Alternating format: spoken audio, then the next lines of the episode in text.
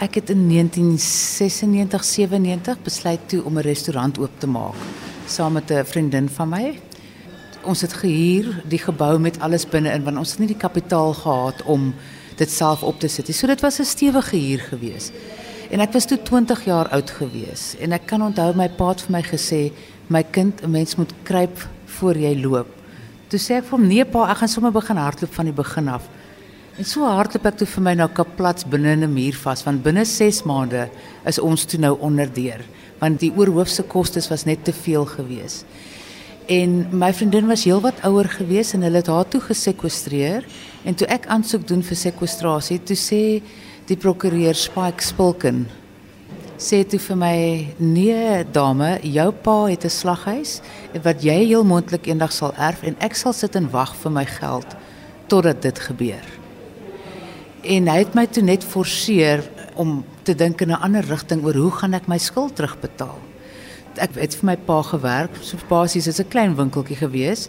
Dan kom die sheriff daar aan om nou die toeslag op my op my salaris of op my loon, want was maar 'n loon te sit. Dan sê hy: "Wie is die bestuurder hier?" So dan sê ek: "Dis ek, meneer." Dan sê ek moet net hierdie toeteken op iemand se salaris, kan jy dit vat? Dan sê ek: "Ja, die dame werk hier, Elana van Rooyen werk hier en ek sal seker maak dat dit afgetrek word en jy sal betaal word aan die einde van die maand. En sodoende het ek toe begin rondkyk en toe sien ek maar as ons kort raak op iets dan gaan koop my pa biltong. Ons het nou nie genoeg gemaak hier of die kas was te vol, dan koop hy biltong. Toe maak ek 'n klein biltongkassie by die huis en ek begin my eie biltong in die aand maak. En as my pa dan sê my kind bel en bestel 'n bietjie biltong, dan bel ek myself. Môreoggend doen ek die aflewering. En dis hoe ek toe begin het met 'n biltong besigheid wat nou bekend is as Logners Biltong. En dit is hoe ek basies myself uit die skuld uitgewerk het. Ons praat met Ilana van Rooyen, mede-eienaar nou van die Bramon wynplaas in De Kruik, so 20 km van Plettenberg Baai af.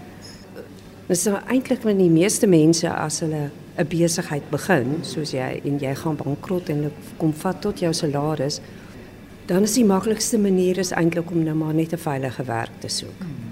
Hy het vir my gesê die dag, "My child, I can see, ek kan sien jy kan werk en ek kan sien jy kan eendag 'n besigheid hê." En ek weet dit gaan dalk 'n bietjie langer vat, maar ek gaan sit en wag tot jy daar kom totdat jy vir my betaal. En dit was net ook vir my, ek dink ook in my lewe 'n uh, ding waar ek kon beglo in myself waar het my maat altyd gesê as jy jou kop sit op jy kan dit doen, dan kan jy dit doen. So if you put your mind to it, you can do it. Jy moet die werk insit, jy moet die harde werk en niks glo vir my, niks kom sonder harde werk nie. Ja, want nou was ons laas was ons by die biltong wat jy toe nou aan jou pa verkoop het en nou is dit eintlik vir baie mense is dit nou 'n groot kopskuif om te maak want hier is Ilana net haar delikatessen besighede in die baai wat baie gewild is en jou baie besig hou, maar jy brei nog steeds uit. Jy weet ons almal hou van die Weskaap. Dit is so vir my so Afrikaanse gedeelte van ons land. En ons het besluit ons wil 'n plekkie Weskaap se kant toe meer vir aftrede vorentoe.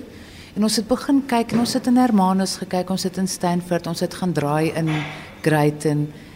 En toe in Januarie toe kom daar die eiendom op wat die wynplaas is waar ons al vele kere geëet het en lekker wyn gedrink het en net gedink dit is so ongelooflike mooi plek.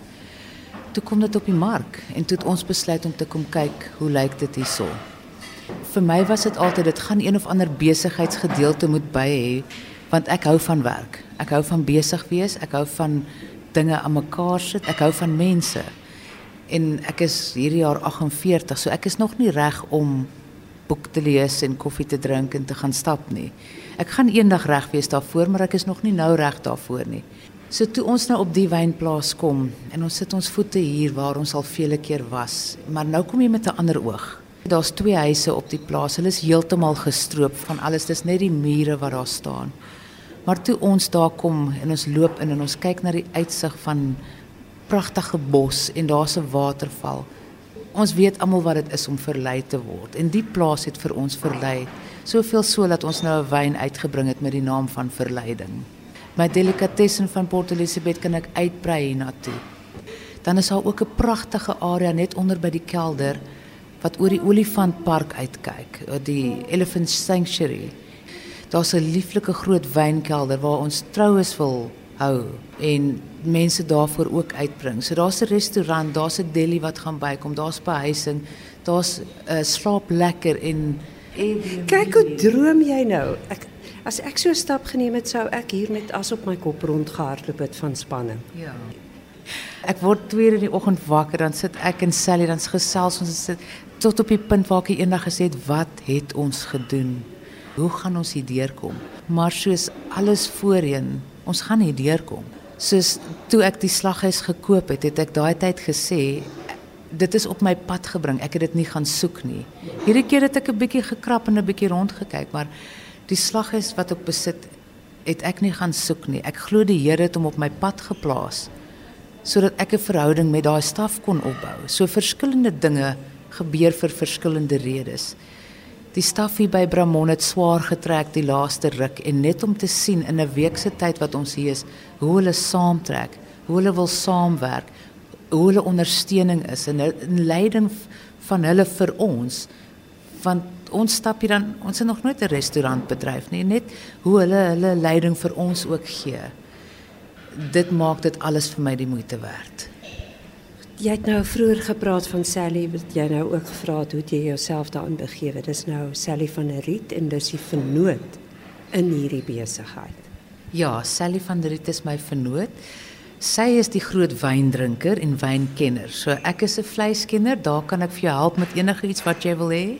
So Sally se sterkpunt is regtig wyn en geure van wyn en daai tipe van ding wat ons gaan uitbrei. Die plaas maak tans 'n uh, MCC, Method Cup Classic wat basies sal ons nou sê 'n bottelwyn is wat 'n wêreldklas MCC is wat al voorheen uh, toekenninge gewen het. So dit is waarvoor ons bekend is, maar in die toekoms sal ons ook wil uitbrei op bietjie rooi wyn en bietjie wit wyn waar ons miskien sal drywe moet inkoop want hierdie area is nie regtig bekend daarvoor dat jy kan rooi wyndrywe en sulke goeders plant hierson nie. Ons het een naweek gaan kamp saam met vriende en daai aand toe hulle nou so deel in ons drome en ons toekoms En ons en so saam met ons opgewonde is, begin ons nou vir hulle vertel wat is op die plaas, wat gaan alles hier aan. En ons sê toe vir hulle oor hoe jy kyk dan ons het altyd net een olifant gesien. Ons het nie die ander, ek sien 3, maar toe was daar net een olifant gewees.